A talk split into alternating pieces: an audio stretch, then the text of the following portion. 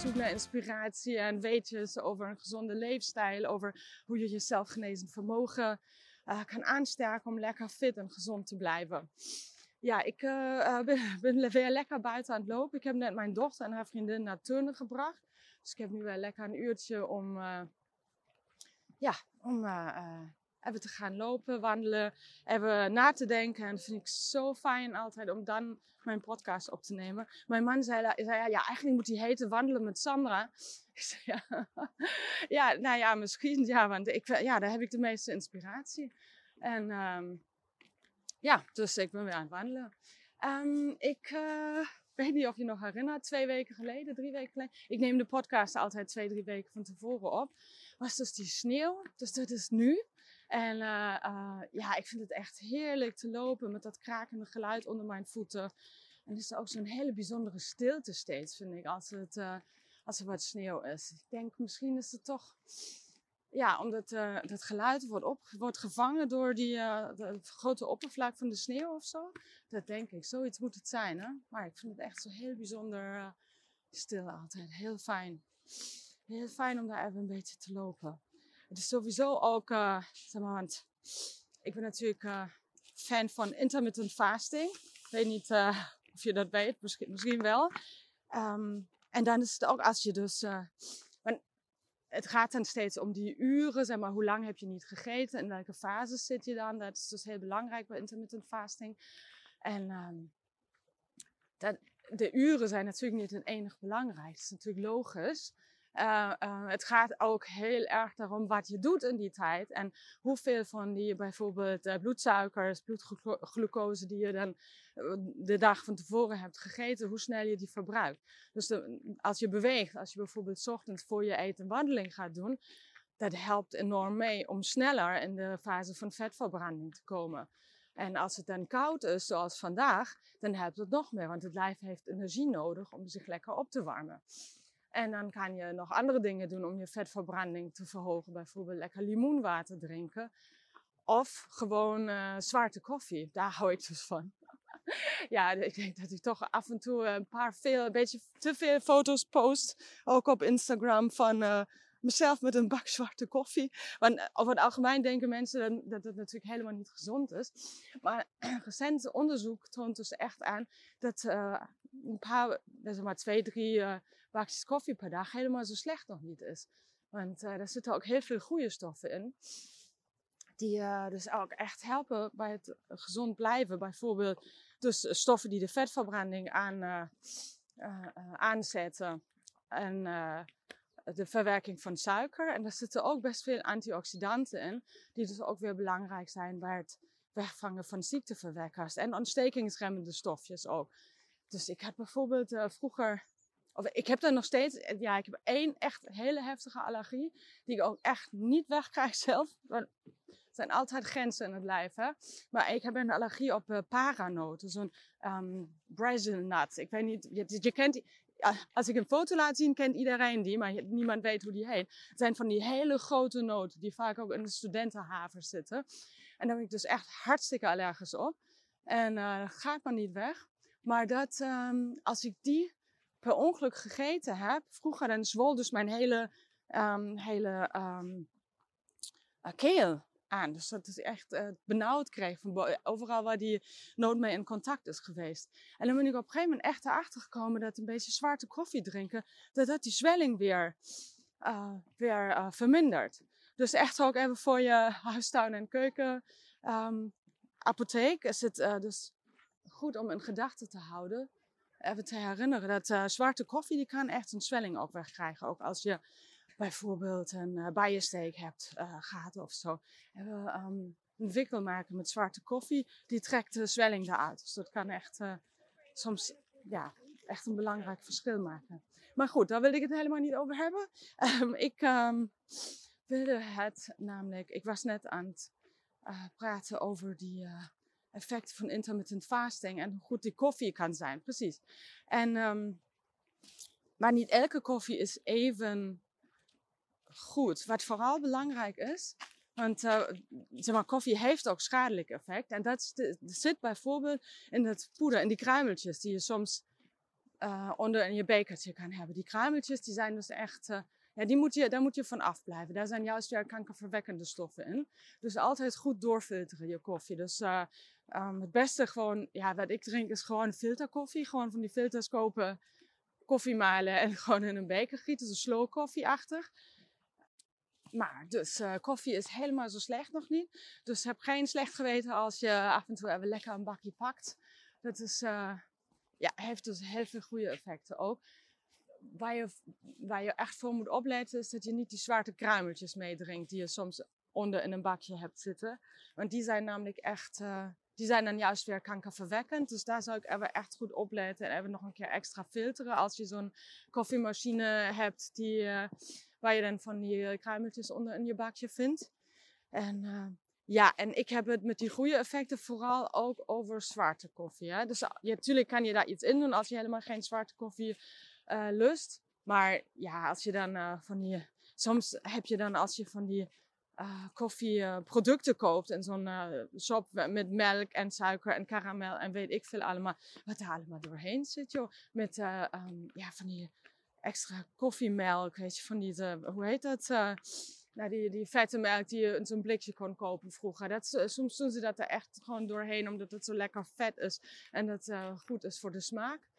Maar um, ja, dat is natuurlijk dan uh, minder gezond. Maar in ieder geval niet te streng zijn met jezelf en koffie. Dus dat wil ik even meegeven. Die heeft ook hartstikke goede effecten. Um, waar ik het vooral vandaag over wilde hebben, had ik van tevoren bedacht, is vleesvervangers. Want ik kom toch zo vaak tegen dat mensen gewoon denken: oh, ik eet geen vlees, dus ik ben automatisch al hartstikke gezond bezig. Maar dan eten ze dus de hele tijd van die vleesvervangers. Um, ja, omdat ze natuurlijk wel zin in een lekker uh, gebakken stukje iets hebben naast hun uh, uh, groente.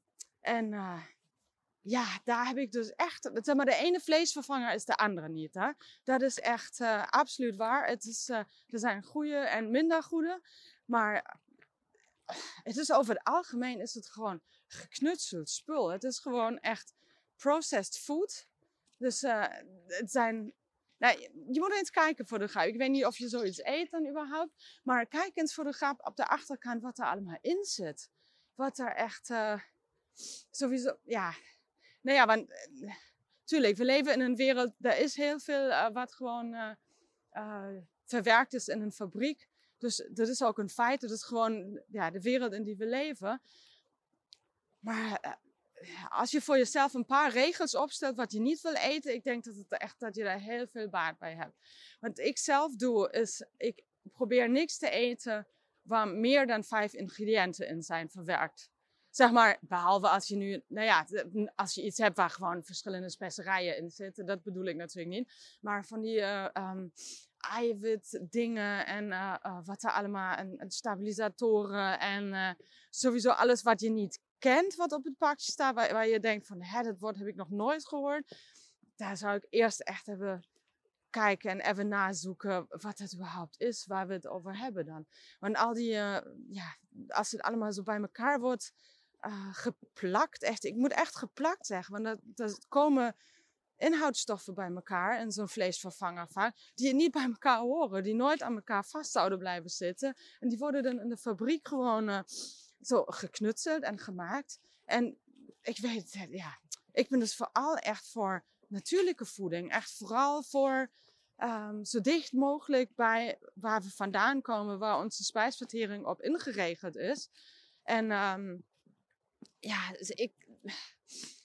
Nee, die, al die vleesvervangers, ik, ik weet het niet hoor. Ik weet niet, hoe zie je dat zelf? Eet, natuurlijk zijn die lekker. Ik, ik vind die ook lekker. Natuurlijk, af en toe eet ik die, kom je daar tegen. Maar bijvoorbeeld mijn moeder, als ik naar huis uh, uh, ga, nu met kerst weer, dan hebben we met kerst uh, uh, gegourmet. En dan heeft ze echt zes pak van die vleesvervangers gekocht voor mij. Ik zei, mama, ik eet dat niet.